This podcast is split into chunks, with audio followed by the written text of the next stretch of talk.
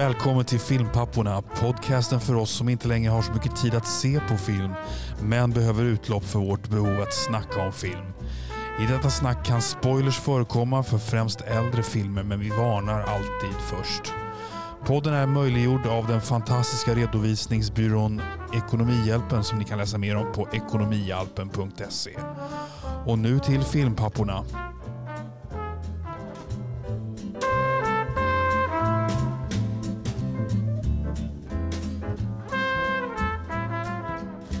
Här sitter vi med eh, pepparkakor på bordet, kallt utanför fönstret. Så här är jul och nyårstider som är när vi lyssnar på det här. Ja, vi har ju med oss eh, lite gäster. Vi har med oss Oliver heter jag och across me sitter Jan, back in business. Jan, du spelade lite lufttrummor här till, till uh, introlåten, här. de här visparna. Du är lite trummis själv har jag snappat upp. Ja, det stämmer. Jag försöker spela trummor när tillfälle finns. Du skulle gärna vilja spela trummor i Kiss har jag förstått också. Ja. Gärna med Ace Frehley på gitarr framför ja. dig. Helt korrekt. Ja, ja, Men vi är inte här för att bara spela trummor. Vi är inte här för att prata om Kiss. Vi är här för att prata om en av Hollywoods... Man måste säga att han är en av Hollywoods största giganter. Ja, och eh, kanske, kanske den med mest staying power av alla någonsin. Alltså det finns ju ikoner som har varit kanske större än honom under en, en period. Så här, men sett till liksom en lång karriär kan jag inte komma på någon som har en, en längre och mer impressive karriär nästan. Ja, så vad tycker du om Mel Gibson? har du ett ja. dish där eller?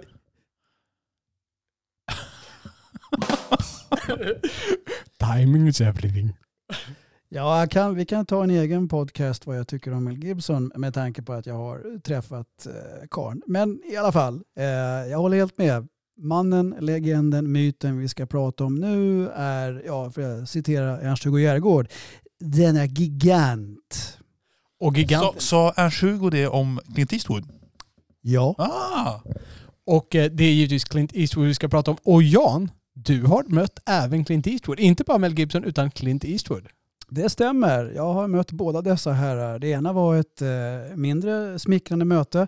Det andra mötet med nämnde herr Eastwood var ett fantastiskt trevligt möte. Och det som står här på den fjärde stolen, vi sitter här tre på varsin stol här på Ekonomihjälpens kontor, men på den fjärde stolen så står det en liten tavla. Kan du beskriva den här tavlan för lyssnarna? Det är en inramad laserdisk utgåva av The Good, The Bad and The Ugly och den är signerad till yours truly, to Jan Clint Eastwood personligen in person i Stockholm. Jag säger bara wow. Hur kommer det sig att du träffade Clint Eastwood? Kan du berätta den historien? Det kan jag absolut göra. Genom mina kontakter på diverse filmbolag och Statens biografbyrå så fick jag veta att hösten 92 så skulle herr Eastwood vara på PR-besök i Stockholm inför Unforgiven. Sagt och gjort. Eh, jag fick veta lite eh, dagar och tider och platser. Så eh, gjorde jag och min gode vän Sätra-Johan en plan. Vi har en plan. Sagt och gjort. Vi beger oss till Grand Hotel. Eh, parkeringen utanför. Kör en stakeout. Alla Richard Dreyfuss, Emilia Estevez. Det här låter som en dålig version av Snabba Cash med du och Sätra Jan som har en plan. Ja, eh, det är ett sätt att uttrycka det på. Men så var det i alla fall. Och där, där eh, sitter vi och inväntar herr Eastwood med entourage. Vi ser eh, bilkortegen komma. Vi stegar ut, ställer oss vid entrén och det, är, det här är helt otroligt. Det är bara vi där. Alltså Clint Eastwood är i stan. Det borde alla filmintresserade veta. Det borde definitivt alla autografjägare veta. Men på något vänster så var det bara jag och Johan där.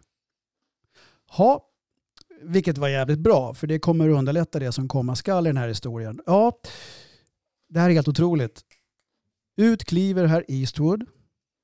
I handen har han en burk Åbro. Ölet. Okej. Okay. Stenhårt. Det är klart att Clint Eastwood ska ha en burk Åbro i näven när han kliver ur limousinen.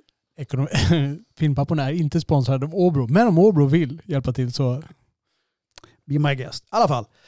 Och då är det det sedvanliga entouraget och så är det de här småpåvarna som jag kallar dem för från filmbolaget som tycker att chas med er, här har inte ni att göra för att ni har inte de här fina titlarna som vi har. Ni är bara betalande biobesökare.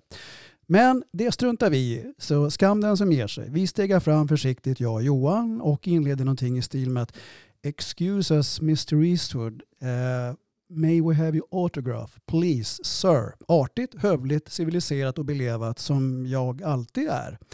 Varpå han eh, vänder den här klassiska lite sidoblicken och tittar. Jag tänker först, nu får jag en eh, högernäve, vilket hade varit jättekul eh, att bli nitad av Clint Eastwood. Men icke sa Nicke, utan han säger yeah, sure, what do you want me to sign? Uh, should we go inside? Samtidigt försöker då de här småpåvarna, jag ska inte nämna några med namn, men ni vet vilka ni är, försöker mota bort, bort oss, varpå vi säger att men nu har ju herr Eastwood sagt att det är okej. Okay. Så att eh, lägg den inte i ungefär. Så vi kliver in eh, stora entrén, Grand Hotel, upp till receptionen.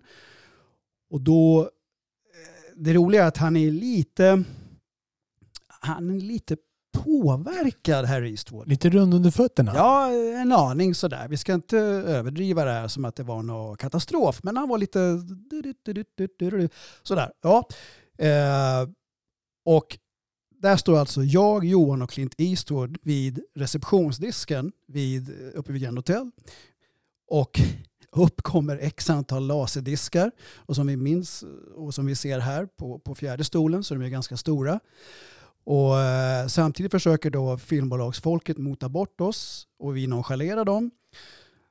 Och så, ja, vad vill du att jag ska skriva då? Jag hade tänkt med den eller den och då är det Good, Bad and the Ugly eller Dirty Harry. Och så säger jag, how about you choosing Mr Eastwood? I would pick that one. Och då blir det Good, Bad and the Ugly. To Jan, Clint Eastwood, var det något mer? Ja, eh, varpå Johan då får sin signad. Under hela den här tiden så har vi de här filmbolagsmänniskorna som hetsar och stressar och ja, tack, för mycket för, tack så mycket för det, inte. Eh, och så byter vi några ord. Vad vi nu sa, det minns jag inte. Eh, och så säger han Hope you enjoy the movie, alltså Unforgiven. Tänkte vi, äh, det är nu eller aldrig. Mr Eastwood, could you please uh, bless us with a photo? We have a camera with us. Uh, usually I would do that, sure guys, but you know I'm a little bit tipsy topsy, so maybe some other time. Stenhårt. Så han, okej, okay, det får man respektera va. Uh, men han tar i hand och vi tackar så hjärtligt och så rider han bort i solnedgången. Vilken hjälte! Och nu, här står beviset eh, efter det här. Här står The Good, The Bad, The Ugly signerad till Jan. Det kan du hoppa upp och sätta cool. dig på. Och det här är den perfekta inledningen på våran topp tre. För det vi ska gå igenom nu är hans topp tre-listor. Vi får se om Unforgiven dyker upp på någon av de här listorna. Vi får se om The Good, The Bad, The Ugly dyker upp på de här listorna. För vi kommer nu att gå igenom topp tre Clint Eastwood-filmer. Vi kommer gå trea, tvåa, etta och sen kommer vi också som vi brukar göra ta upp hans bottennapp. Det vill säga våra versioner av vad som är hans absolut sämsta film.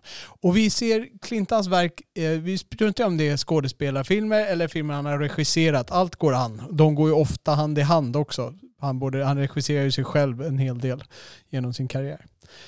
Men med det sagt, mina damer och herrar, är vi redo att kasta oss över och prata om nummer tre? Tredje plats. Så, vi tänkte börja med dig Jan. Jan, vilken är Clint Eastwoods tredje bästa film? Clint Eastwoods tredje bästa film är Gran Torino. Gran Torino, mångas mm. favorit vet jag. Mm. Mm. Jag har sett den, har du det Robert? Jag har sett den också. Det är en av hans eh, senare filmer får man ju säga. 2008 va? Ja. Mm. Mm. Lite kort, vad är handlingen i Gran Torino för de som inte vet? Gran Torino handlar om en, eh, ja det är väl jag på ålderns höst. En eh, grinig, sur, bitter, Fast 40 år äldre. ja på ålderns höst alltså. Eh, som har dragit sig tillbaka och vill leva i fred, sitta på sin veranda och dricka vad man nu dricker och klappa hunden. Och herregud, då får han nyinflyttade grannar. Och det är inte vilka grannar som helst. Det är utlänningar. Koreaner, är de det? Koreaner. Men inledningsvis så kallar han väl alla för japaner eftersom han har deltagit i andra världskriget. Är inte Gooks till och med? Det är väl Gooks och Slopes och Dinks och lite annat eh, mysigt. Jag minns, alltså, men bor han i asiatiska kvarter eller är det liksom koreaner som flyttar in precis bredvid honom och det är helt nytt fenomen för honom? Jag kommer inte ihåg det här. Jo, det, det är lite som det sistnämnda där. Ja, det är det, ja. eh, ja, ja. Att eh, jaha, här har jag bott i hela mitt liv med likasinnade och så flyttar in sådana där. Och eh, eh, det blir en härlig Kapten Haddock-liknande svada från, från hans karaktär i filmen. Och eh, varpå vi har nämnt några. Eh, och eh, in, en bit in i filmen så är det en av dem som försöker ge sig på hans bil. Va? Mm. Eh, jag minns inte exakt om det är att de ska stjäla den eller vandalisera den eller att de är på den. Varpå han kliver emellan och förhindrar det och säger ett par väl valda ord. Men någonstans där på vägen så det som det ofta är med sådana här gringubbar om jag får säga så att innerst inne så har de ju ändå ett rättspat, rättspatos och ett hjärta av, ja, nåja, guld, att rätt och fel. Så han, han tar ju till sig killen i den här familjen och sen övriga familjemedlemmar och, och eh, kommer sig för att hjälpa dem, stötta dem. För det är ju även problem med gängkriminalitet där i området som, som han, eh, grabben i den här inflyttade familjen då hamnar i sällskap med, dåligt sällskap. Och så blir det konflikter och eh, Eastwood känner sig eh, nödgad eh, som den humanist han är i filmen att, att hjälpa familjen och framförallt de här barnen då, barnet att, att ta sig ur det här. Trots att de är koreaner i hans värld. Att de är koreaner eller om de är japaner i hans värld men de blir väl koreaner sen. Ja. Så vad är det som får dig att gilla den här filmen så mycket mer än alla andra Clintan-filmer utom två? Ja, dels är det ju det är ju mitt i all svada och alla svordomar så är det ju, det är ju rätt kul på ett sätt att höra befriande. Det, det är själa, det är renande att, att, att höra någon säga saker som, jag säger inte exakt de här sakerna, man, man, man vill tala från hjärtat. Men här har man en person som säger vad han tycker hela tiden, överallt, kör över allt och alla. Eh, lite som Kapten Haddock. Va? Men innerst inne så, så finns där en, eh, en, en, en, bra människa som vet rätt och fel. Att han blir som en slags eh, renande stålbad för mig. Att han, han, säger sånt som man kanske skulle vilja säga själv ibland. Är inte det en ganska vanlig roll på hans eh, senare år där? Det är surkarten med ett hjärta av guld inne i sinne. Det må vara hänt, men det är ändå gjort med stil och klass och finess. Han har, jag minns det som att han, han känns som att han, han har ju några pistolscener i den här. Eh, ja, eller några, några scener där han hotar rejält. Jag tyckte han gjorde, fast han är så gammal och allt, han gjorde det med sån jädra pondus som jag minns det. Sån jädra inlevelse och pondus. Nästan mer övertygande än vad han var som ung nästan, kände jag när jag såg den. Gidra inte med Eastwood. Nej, nej. Lite så. Lite så. Ja, så att det är nummer tre för eh, din del. Ja. Nummer tre. Mm. Då ska jag tänkte gå över till min nummer tre. Där vi har eh, Clintans kanske början, skulle jag vilja säga, på en gammal surkart med ett egentligt hjärta av guld. Det här är en film som jag har en personlig mjuk plats för och jag pratar om Heartbreak Ridge. Eh, det är när Clintan spelar en lite avdankad kommendör av något slag här i armén och han eh, får den värsta plutonen då som han ska träna. De mest oorganiserade, de mest eh, busiga killarna på hela basen. Och ingen har lyckats få pli på de här utan varenda, varenda kommendant som har kommit dit har de lyckats bli av med på ett sätt eller annat tills Mr Eastwood kommer och eh, visar vad skåpet ska stå. Alla förväntar sig att han ska misslyckas men vi vet ju redan från början vad som kommer att hända här.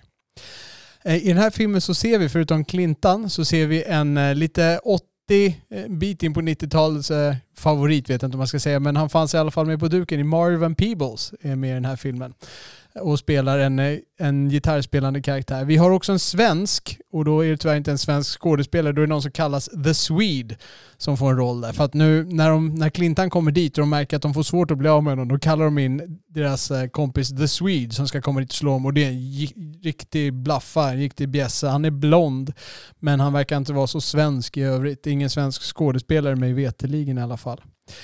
Eh, jag tycker att det här är en, eh, det här är en riktigt bra film och det, jag, vad jag kan minnas så är det första gången han verkligen gör den här, eh, den här surkarten med hjärta och guld. Och han gör det ganska påtagligt. Han sitter och läser, vad är det, damtidningar? Det är någonting så här lite udda han läser för att verkligen visa att han, har, han försöker hitta en mjuk sida där och han kämpar för att liksom få den här tjejen och det går inte så bra för han är verkligen råbarkad liksom in i själen. Det, det är så han är uppbragd. Men de här scenerna, dels kring det där, det som har lite komisk effekt och som jag tycker fungerar tillräckligt bra. Det är fokuset när han försöker liksom få, få damerna där och vid sidan om. Men sen framförallt huvudspåret på basen när han får pli på det här gänget, när han förtjänar deras respekt. Jag tycker att det är bra upplagt. Det är ingenting som är sådär originellt i filmen, det är ingenting som är överraskande i det som händer. Och det här, det här är lite Clintan det här, är, det här är verkligen Clint Eastwood-filmer för min del. Sällan överraskande, man vet precis vad det ska hända, man vet precis vad det är. Men det är jäkligt bra gjort oftast. Jag kan, jag kan säga det om Gran Torino också. Jag skulle kunna säga det där. Det finns ingenting i den filmen som överraskar mig, men den är jäkligt bra gjord. Jag gillade Gran Torino när jag såg den. Eh, men Heartbreak Ridge har jag en mjuk plats för. Den har många saker som andra filmer saknar. Just det här lite Marvin Peebles med den här musiken. Den har många roliga bikaraktärer. Han förtjänar den här respekten. Många bra många bra fraser, hans svar på det här. Jag, jag, tycker det här är en av de filmer där han är bäst på att leverera one-liners. Kanske av, av alla hans... Eh, jag, jag, tycker de är roligast. Det är mycket svordomar och sånt där på militärbasen men som, som är ganska komiska att lyssna på. Så Heartbreak Ridge, det är min trea med Clintan. Och eh, jag har Unforgiven som trea. Eh, den, det är en sån som många ratear absolut högst, men jag, jag tar den på tredje plats. Eh, Clintan spelar en, en eh, pensionerad hit, hitman som är tvungen att återvända och göra ett, ett gig för att få sin farm att gå runt. Det är korta storyn. Eh, och eh, han har ju liksom ett förflutet som han har gjort allt för att komma bort från det där. Men nu, nu dras han in i allting och han har varit alkoholist. Och, ja. Men han, han dras in i, i den här feuden i en, i en liten stad. Eh, där upptakten är att eh, eh, eh, det är ett horhus med en prostituerad som har blivit helt vanställd av två kunder som har kört med rakblad på henne eller vad det är.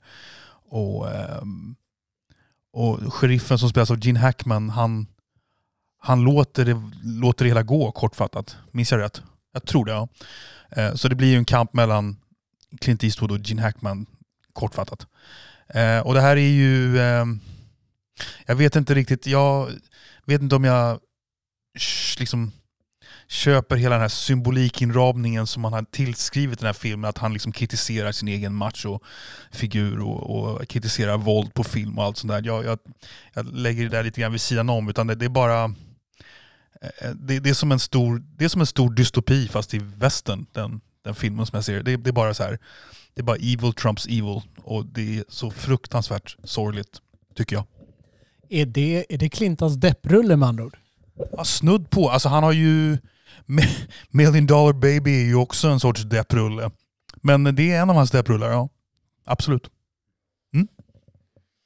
Ja, så då har vi ringat in eh, tredjeplatsen här. Och det, det blir intressant att se också ifall vi tangerar varandra på de här filmerna. Jag har förutspått att vi, vi kommer vara på ganska olika spår. Vi får se hur rätt eller fel det blir. Nu har vi börjat visa våra kort här. Vi vet alltså, ingen vet vad den andra har på de här placeringarna ännu.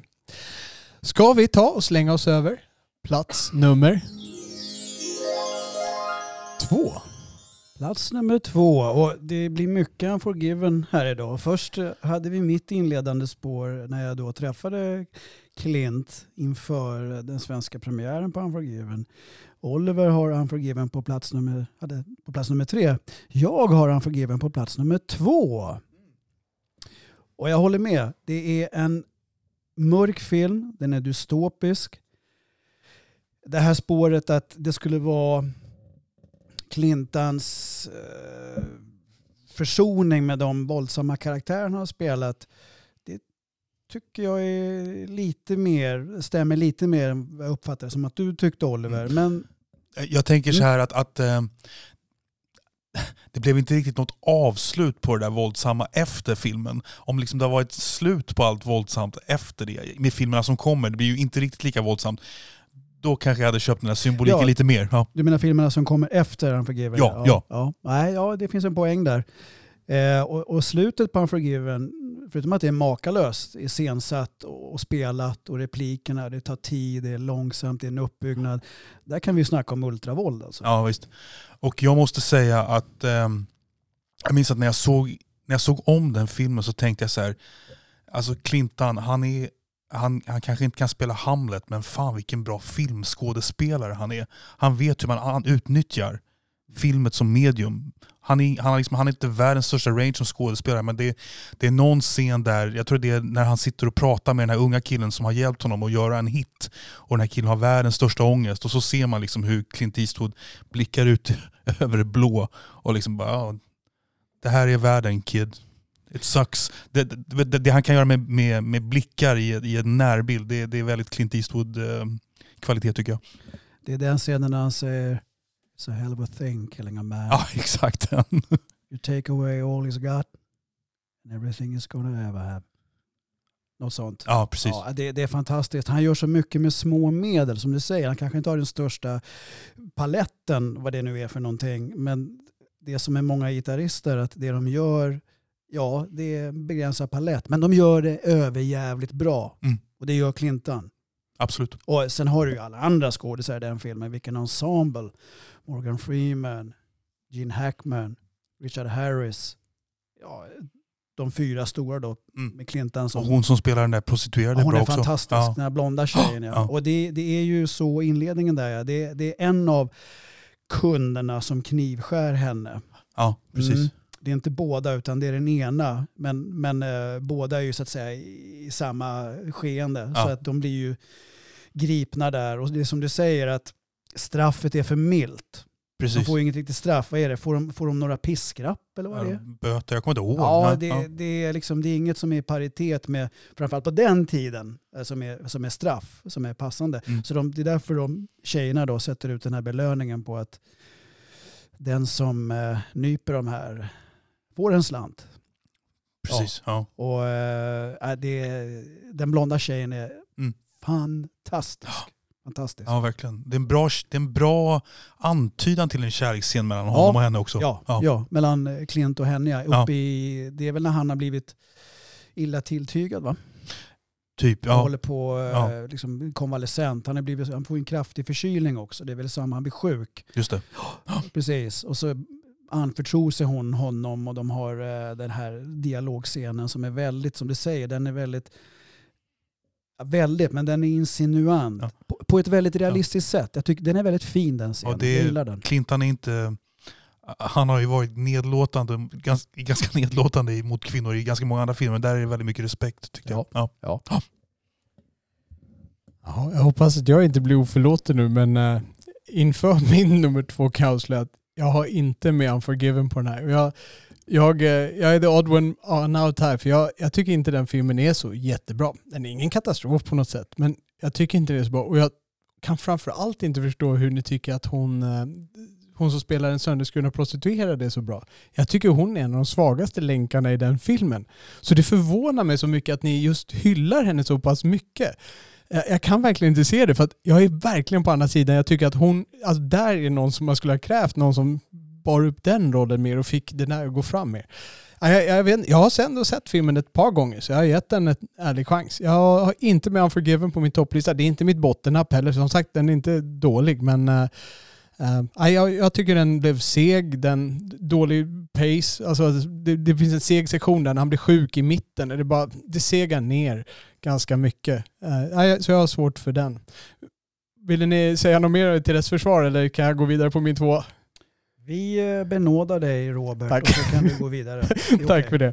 Det kommer dock bli västen på min andra plats. Men det blir en det blir en lite mer munter film även om den är blekare till namnet. Det är nämligen Pale Rider som jag har som tvåa som jag tycker är en eh, bra film.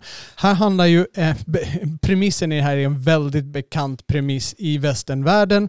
Det är en liten grupp som är trakasserade av någon rik, girig person. Och i det här fallet är det en liten grupp guldgrävare då som är trakasserade av traktens, eh, ja vad han nu är för någonting, eh, traktens dominant eh, som har då alla muskler på sin sida.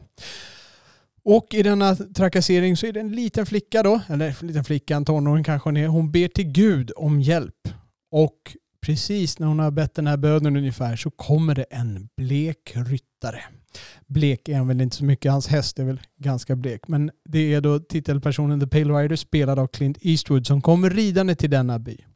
Och kommer till deras undsättning som man ju kan förstå. Instick, förlåt. Mm. Ja, är det inte så att hon, när hon reciterar en passage ur, och jag vill minnas att det är Bibeln, mm.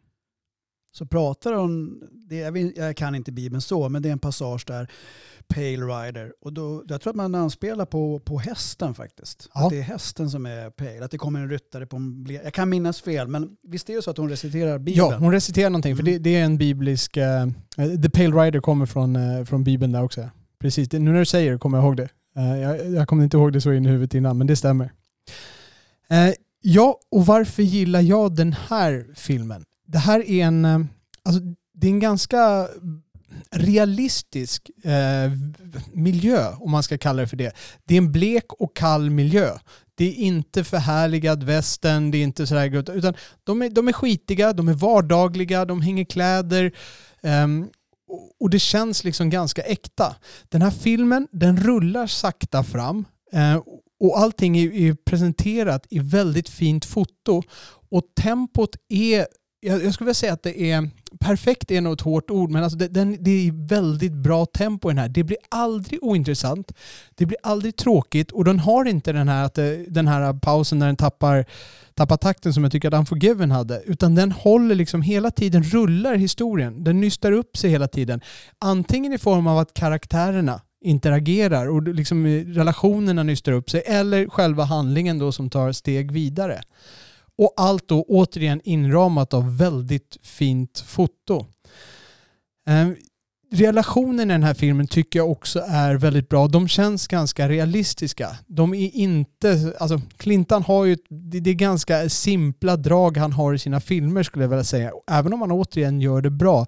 Här tycker jag att relationerna får vara lite mera, lite mer komplicerade än vad de brukar få vara. Och det finns liksom, det växer fram någon sorts kärlek som inte är som både är liksom lite sådär äh, skuld och lite, lite liksom, det, det, är inte, det är inte så enkelt, det är inte bara svart och vitt utan hon, det, han, får in, han har ju inte en kärleksaffär men det finns insinuationer på, det där, på den här moden som är där och så vidare. Flera andra bitar. Som, som spelas av Carrie Snodgrass. Okej. Okay. Uh, som jag, okay som är mycket bra i den här filmen. Generellt är det i den här filmen det är väldigt bra agerande överlag. Alla biroller är bra, även de här som ska stå och se tuffa ut, liksom de här alla vicesheriffen eller vad de är liksom, som är inne i stan där när det börjar bli, dra ihop sig då. De är väldigt bra, de är inte överdrivna, utan det, det känns, det är bra överlag. Alltså, kontentan är att det här är en stabil och fin film och man får spendera en en stund i den här världen och det är en särskild stund. Liksom, det är ju någonting som händer. Man får vara med om en särskild händelse och man får kliva in i den här världen ett tag. Det här är ju en film som eh, Clintan har eh, regisserat själv också. Det var, ja, så att det är, um, ja, det, det, är en film jag tycker väldigt, uh, väldigt mycket om av Clintan. Och jag tycker att det här är nog Clintans bästa regi i, uh, i min värld. Även ja, och jag säger det med, med, med en liten abrovink för vad som kommer på, på första plats. Så säger jag att det här är Clintans bästa regi. Och då, då är egentligen, egentligen är det kanske fotot man ska hylla lite mer. Fotot är fantastiskt. Mm. Och filmaffischen. Ja. Jag samlar på filmer Den är klassisk Ja, verkligen. den är helt, och färgerna, den har ju samma färgpalett som, som filmen. Mm. Guld, sandig, orange. Mm. Wow, vilken tavla jag har på väggen. Jag har den affischen för övrigt. Ja, nej, men det är min eh, tvåa, Pale Rider.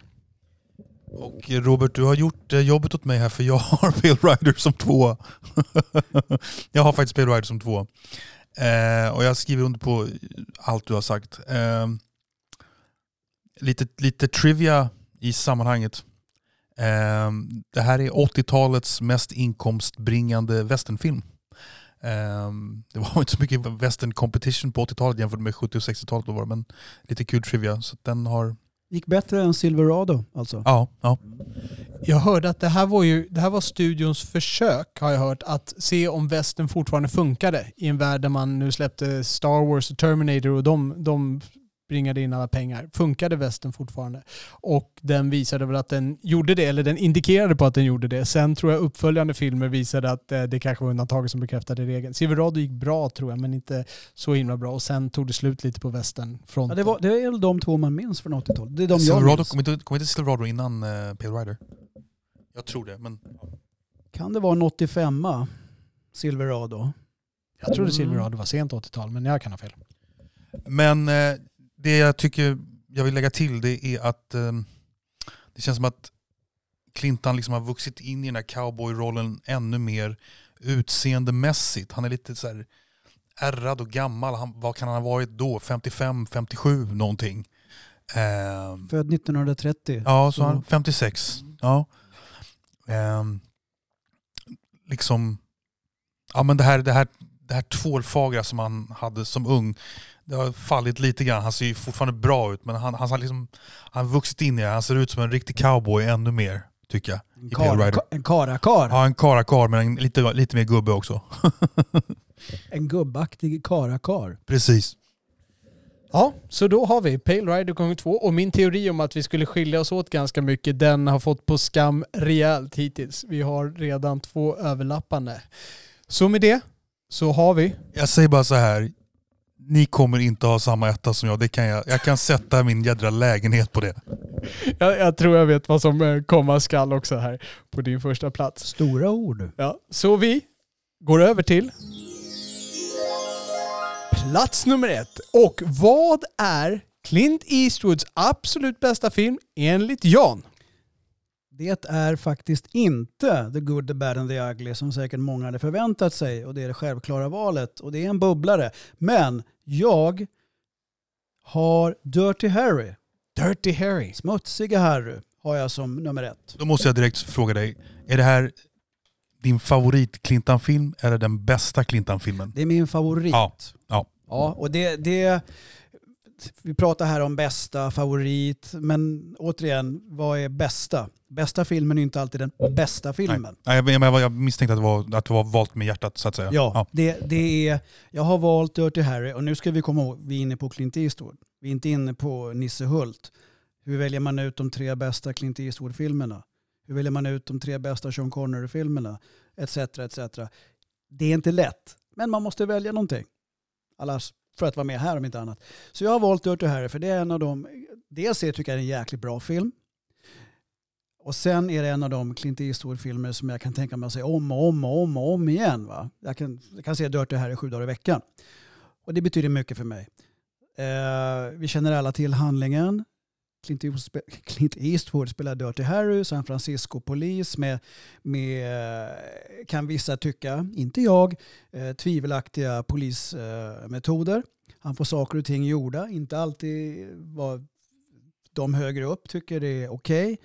Eh, som han säger i en scen i filmen, han pratar med sina överordnade om, om något eh, tjänstefel som de tycker att han har begått. Och de säger till honom, varför, varför, varför jagar du den här mannen? Varför gjorde du så? Varför sköt du honom? Jo, för att när jag ser, när jag ser en naken man jaga en kvinna med eh, stånd och eh, kniv så antar jag att eh, han inte vill diskutera vad det nu är han säger, jag minns inte exakt, men eh, diskutera, du vet, vad det nu är, Einsteins relativitetsteori. Så I shoot the bastard. Så eh, det, det, det är den inställningen han har och eh, så har vi ju då vad som blir hans eh, antagonist i filmen, den här Scorpio. Seriemördaren då, riktig slemhög och skitstövel och, och jag älskar Ja, dels är ju handlingen baserad på vad jag har förstått The Zodiac Killer som härvade i San Francisco-området slutet på 60 början på 70-talet. Så filmen är ju löst baserad på, på Zodiac. Och eh, fotot, musiken av Lalo Schifrin, actionscenerna, Clint Eastwood i sin prime med världens största revolver. Jag menar, ultravåld, kan det bli bättre? Apropå musiken, det jag minns absolut mest från filmen det är slutscenen när han skjuter Scorpio och han har sån jädra ilska i blicken. Och så minns jag öppningsscenen där, där eh när de filmar, han skjuter några på en pool ovanpå. Det, är, det, är, en tjej som eh, tar ett dopp i en sån här takpool. Ja, just det. Och så lägger hon den här väldigt eh, obehagliga musiken av Lalo Schifrin till. Mm -hmm. det, är väldigt, det är mina starkaste intryck från den här filmen måste jag säga. Ja. Mm. Och det är här han levererar sin ikoniska Do you feel lucky? Well do you punk? Uh-uh. I know what you're thinking. Did you fire six shots or only five? Well to tell you I forgot to in all this excitement, I forgot myself in all this excitement. Eller något sånt ja. ja. ja. Uh, och det här är en Magnum will blow your head straight off allt vad det hela utsagan är. You feel lucky? Ja. Punk.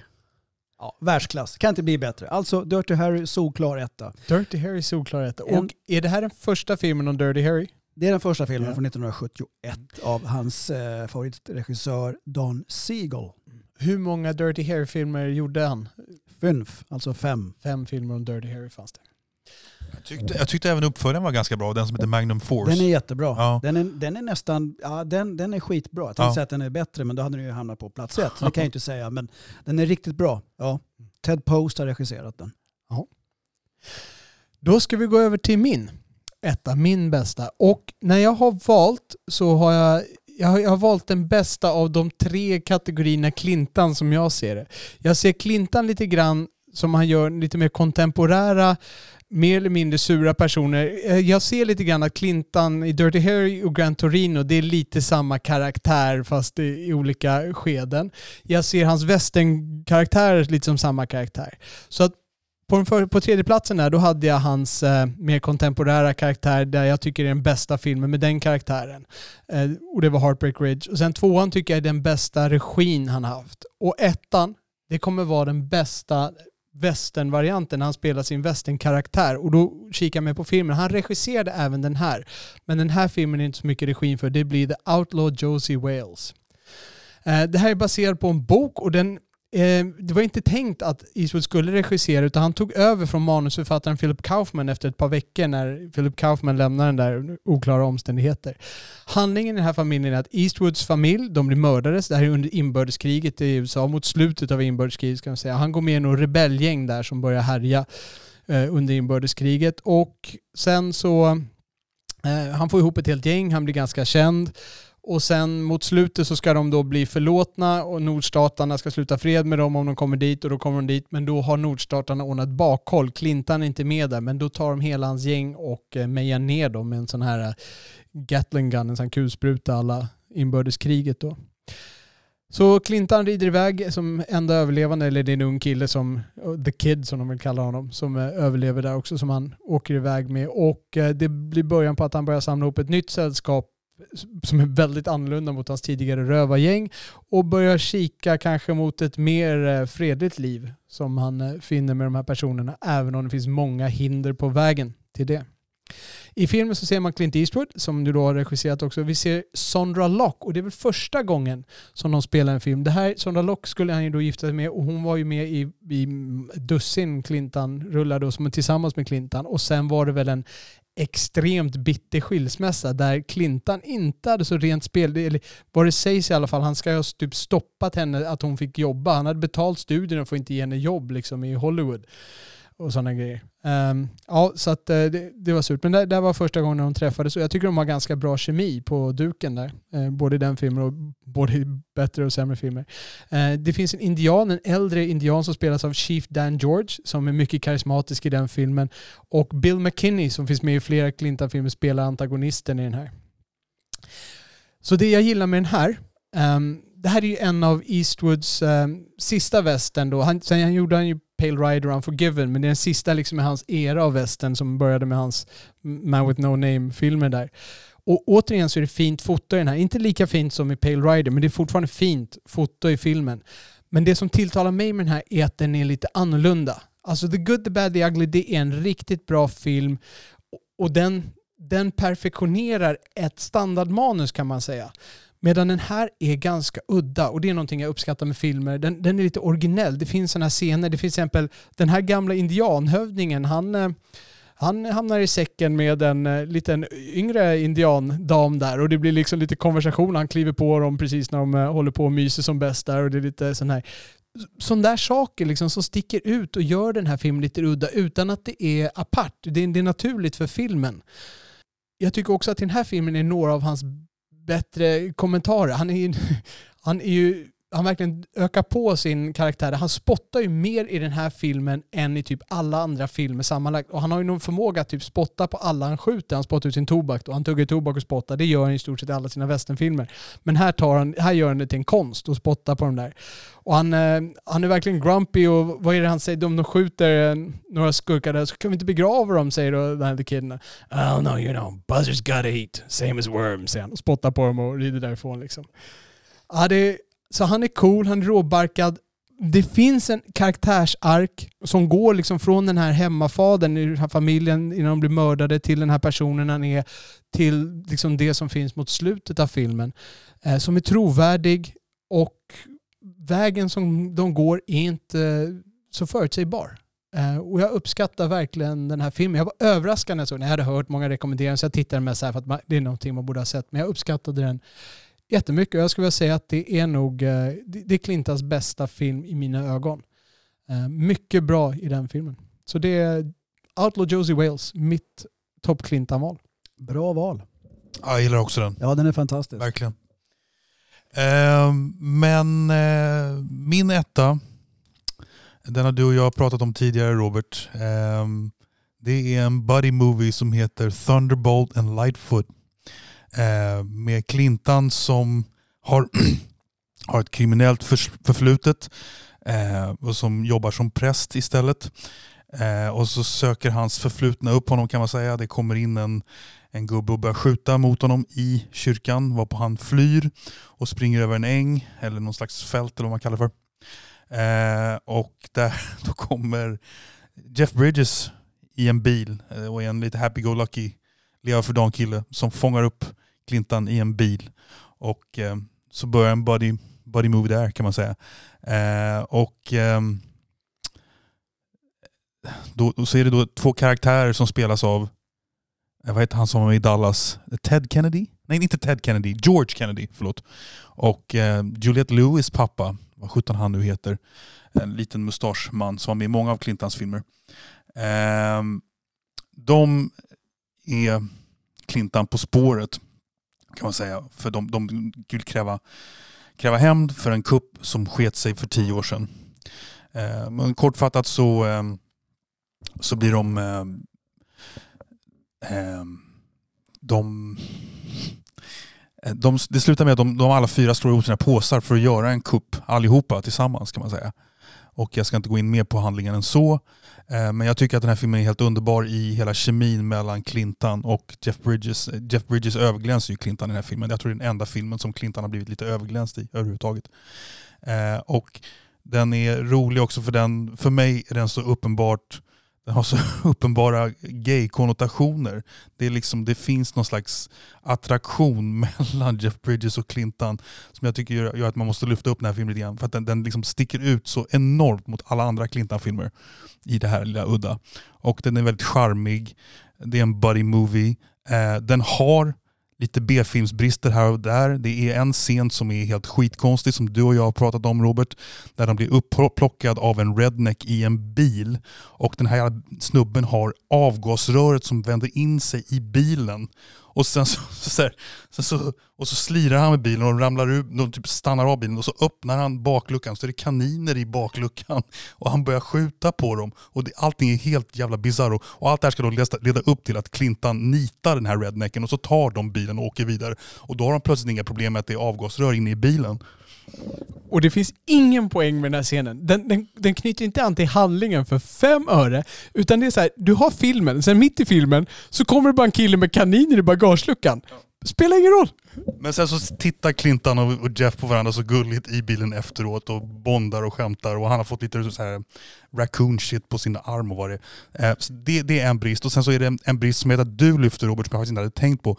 Det är att, um, att liksom inramningen för den här filmen med den här lättsamma, glada Jeff Bridges-karaktären, eh, den det- går inte riktigt att i upptakten ha det här in, um, inslaget att Jeff Bridges faktiskt dödar en person precis i början när han kör på den här snubben som jagar Clintan. Men bortsett från de två små bristerna så tycker jag det är en helt fulländad film. Jag blir så jädra glad varje gång jag ser den. Det är en av de tre, fem filmer jag har sett om flest gånger faktiskt. Intressant val. Intressant val. Mycket intressant. Den, det, jag håller med. Den är, den är udda. Den sticker ut. Och kuriosa, det är Michael Cimino som har regisserat Deer Hunter. Year the Dragon. Mm.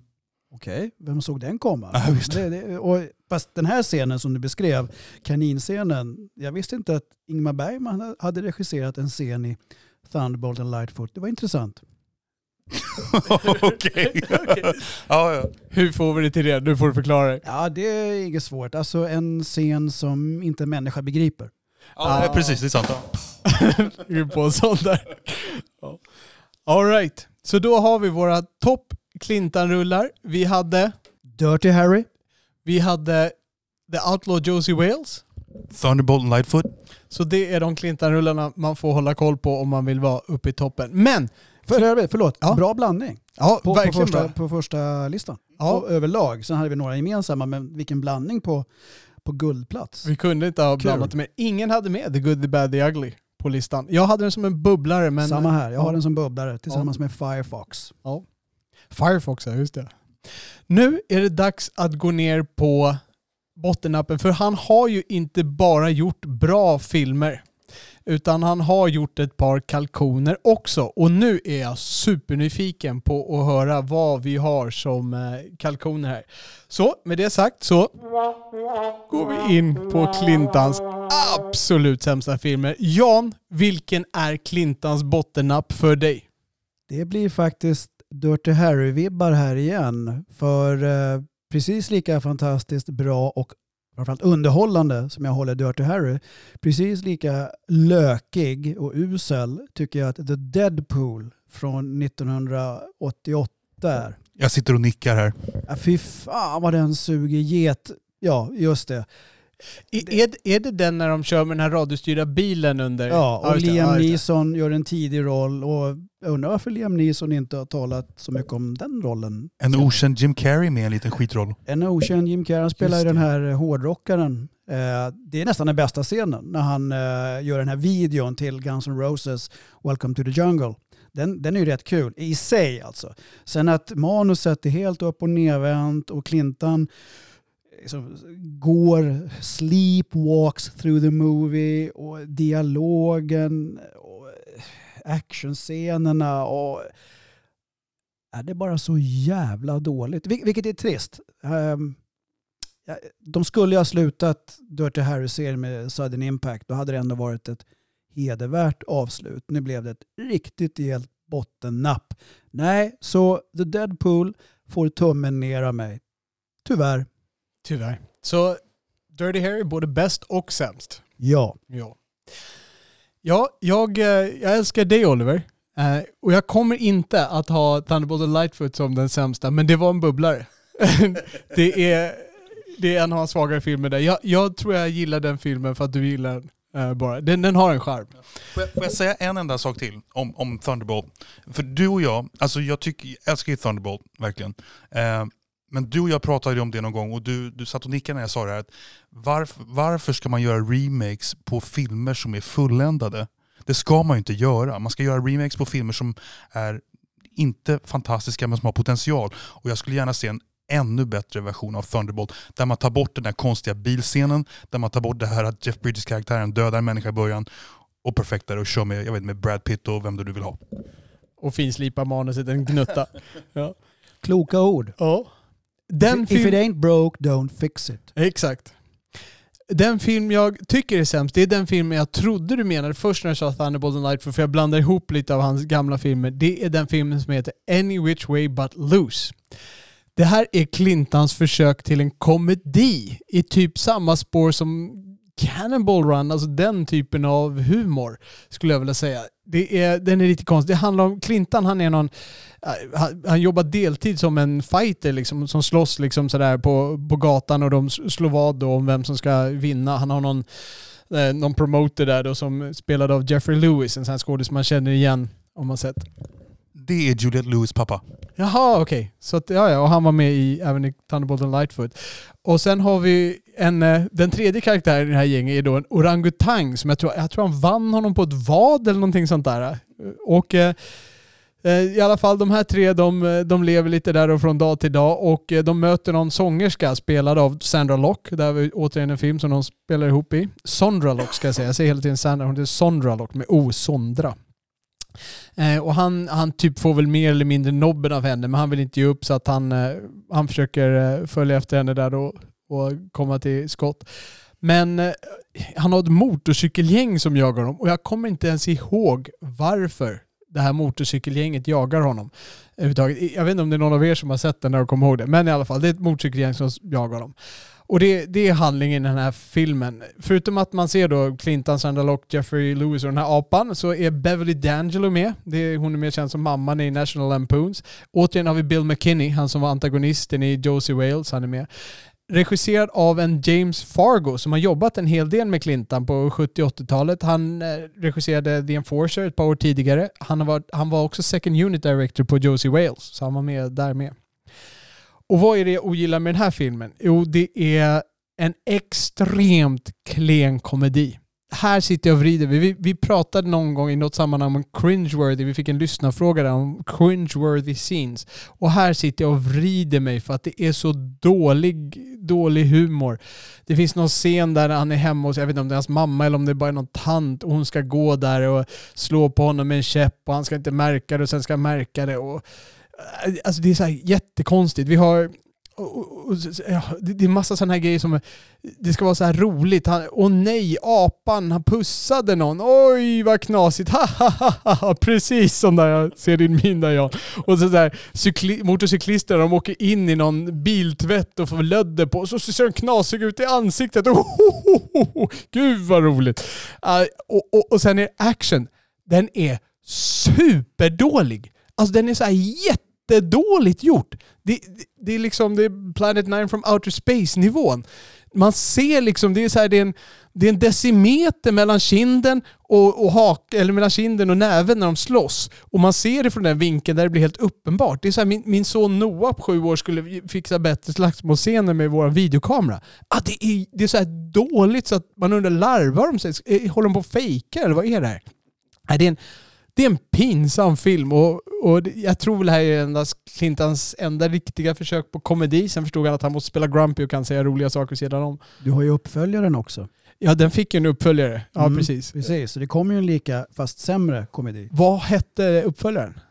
Jag såg aldrig den. På svenska heter den Nu fightas vi igen. Okej. Okay. Ja, jag, jag, kan ju tänka mig att den är ännu sämre då. Jag, jag såg ju aldrig uppföljaren, jag nöjde mig med den här. Eh, eller det finns alltså två orangutangfilmer. I rest my case. Ja, fy. Nej, det är, min, eh, det är mitt absoluta bottennapp när det kommer till Clintan. Jag tror inte han kan ha tidsminne och jag förstår inte hur han får en uppföljare. Den är pinsam att titta på. Jag citerar dig Robert, den gick väl med vinst och han fick göra en till. Ja, jag kan avslöja att den första då från 78, den gick väldigt bra. Ja, jag, jag menar, men The Thing floppade. Okej, okay, ja, ja, visst. Ja visst. Ja, det finns ingen rättvisa i den här Nej. världen. Det var bättre för. Men det här, det här 78-80 skarvet mellan 70 och 80-talet, det kanske är en liten downperiod i, i Clintons eh, karriär faktiskt. Eh, jag kommer in på en film som kom 1980 som på svenska hette Hetsjakten och på engelska hette The Gauntlet. Har ni sett den? Ja, du har sett den John. Eh, och den är, alltså jag, jag, kan, jag kan titta på den med behag för Clintan är, är cool liksom i typ läderjacka och solbriller och kör bil. Men, men storyn är den, det är återigen med Sandra Lock. Han, han är en polis som ska eskortera henne. Hon är, han ska eskortera henne från typ Arizona till Las Vegas. Eller vad det, han ska göra en rejäl rutt med bil med henne. Eh, han är polis och ska skydda henne, hon är prostituerad och är väl jagad av the mob eller vad det är. Eh, och den är bara så dålig så att jag, jag vet inte var jag ska börja. Det mesta har jag glömt, men jag minns två scener som är så IQ-befriade så att det liknar liksom ingenting. Först har du, vi kan börja med slutscenen då. När han då rullar in i en stad i någon slags buss och det står alltså poliser, det står ungefär 3000 poliser längs gatan och alla, alla skjuter på den här jädra bussen. Och Clinton liksom, han sitter längst fram och han, han tittar liksom inte ens ut över vindrutan utan han sitter liksom bara ner och trycker ner på gaspedalen och liksom får den här bussen att rulla. Och de skjuter på den här bussen och skjuter och skjuter och skjuter och skjuter och skjuter. Men ingen, och ingen skjuter på däcken verkar det som. Och ingen, ingen tank exploderar. Han liksom lyckas köra hela vägen fram. Och sen kommer jag inte ihåg hur det slutar. Sen går han, går han typ ut och så är det någon som... Jag kommer inte ens ihåg hur det slutar. Men det var bara så här... Ja, men det är så här, det är så här B-film i klass med... En annan film jag kommer tänka på som vi båda hatar Robert, med, med Sly. Vad heter den?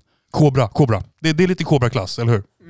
Jag satt precis och tänkte, jag, jag satt och tänkte att jag skulle ta micken där när du pratade och fråga, är inte det här Clintons försök att göra precis samma kar karaktär som Stallone gjorde i Cobra? Det är ju precis samma grej. Ja, fast han, han hann före Sly. så det är visst det. Sen finns det en annan scen som är så här, psyko- helt, helt bananas psykologiskt. Och jag kan inte svära på exakta miljön. Jag vill få det till att de typ är på någon slags lastbil eller någonting. Det är Sandra Lock och Clintan och två bad guys som ska så här, spöa Clintan. Och då kommer Sandra Lock och bara mm, nu måste jag distrahera dem. Och så typ kom hit och, och då typ gör de så här, kom hit och sätt på mig manöver liksom. Och de bara byter fokus och börjar flyga på henne. Och då räddas Clintan och Clintan kan döda dem. Det, alltså, det är så, det alltså Ja, det här, jag lovar, den här, den här filmen är sämre än era filmer. Jag, lo, jag lovar.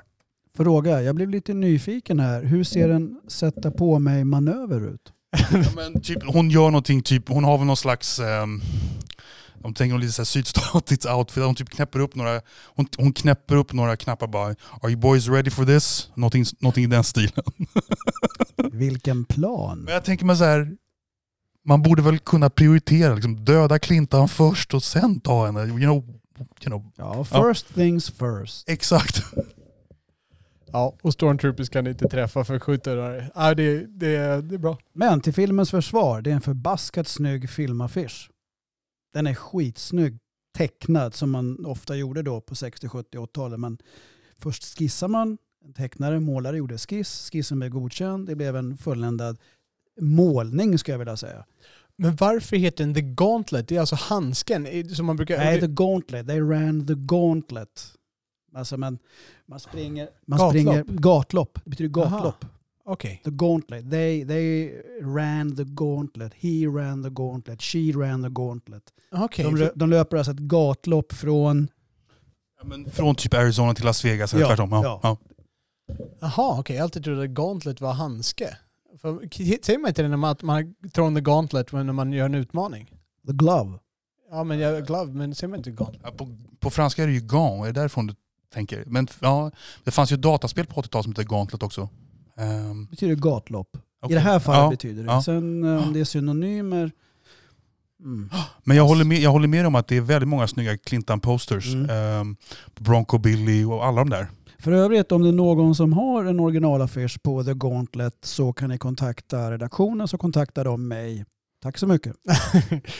Ja, och med det så kommer vi att eh, knyta ihop den här påsen. Det skulle vara jättekul om alla ni som eh, har lyssnat på det här kan skriva ner som en kommentar till avsnittet era topp tre klintan och ert bottennapp. Så får vi, eh, sen när vi kommer tillbaks nu här efter julledigheterna så skulle vi jättegärna gå igenom det här och få lite känsla för vad folk där ute tycker. Jag kan misstänka att Robert P kommer att ha, vår lyssnare Robert P kommer att ha med den onde, den gode, den fule. Kanske som nummer ett där. Och eh, det skulle inte förvåna mig om Ennio Morricone har skrivit musiken till alla hans tre filmer. Det är lite hans husgud där. På den fronten. Du menar dollarfilmerna? Ja, jag tänkte på det. Ja det stämmer, det är Ja. Morricone. Ja, precis. Eh, bra. Med det så tänkte vi eh, packa ihop för idag. Eh, och säga tack så mycket till, eh, till Jan för att du återigen kom och gästade oss och var med på det här. Det var superkul. Nöjet var på min sida och vad gör man inte för konsten? Tack Robert och tack John. It was a pleasure. Och vi tackar Ekonomihjälpen som har möjliggjort den här äh, podden. Vi kommer snart tillbaka från våra julledigheter med lite mer ordinarie avsnitt. Håll ut till dess och ha en riktigt god fortsättning på er alla. Tack för att ni lyssnar. Hej!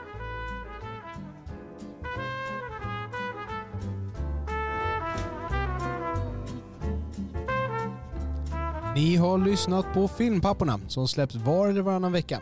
Man kan ladda ner vår podd i alla vanliga poddappar. Ni hittar också våra avsnitt med fulla avsnittsanteckningar, länkar och klipp som vi talat om på vår hemsida filmpapporna.se. Det är där ni lämnar kommentarer till varje avsnitt med era åsikter, beröm, förbättringstips, korrigeringar eller egna anekdoter. Ni kan också följa oss på Twitter, filmpapporna. Och med det så tackar vi redovisningsbyrån Ekonomihjälpen som möjliggjort denna podd och önskar er alla mörka salonger och så salta popcorn. Grrr.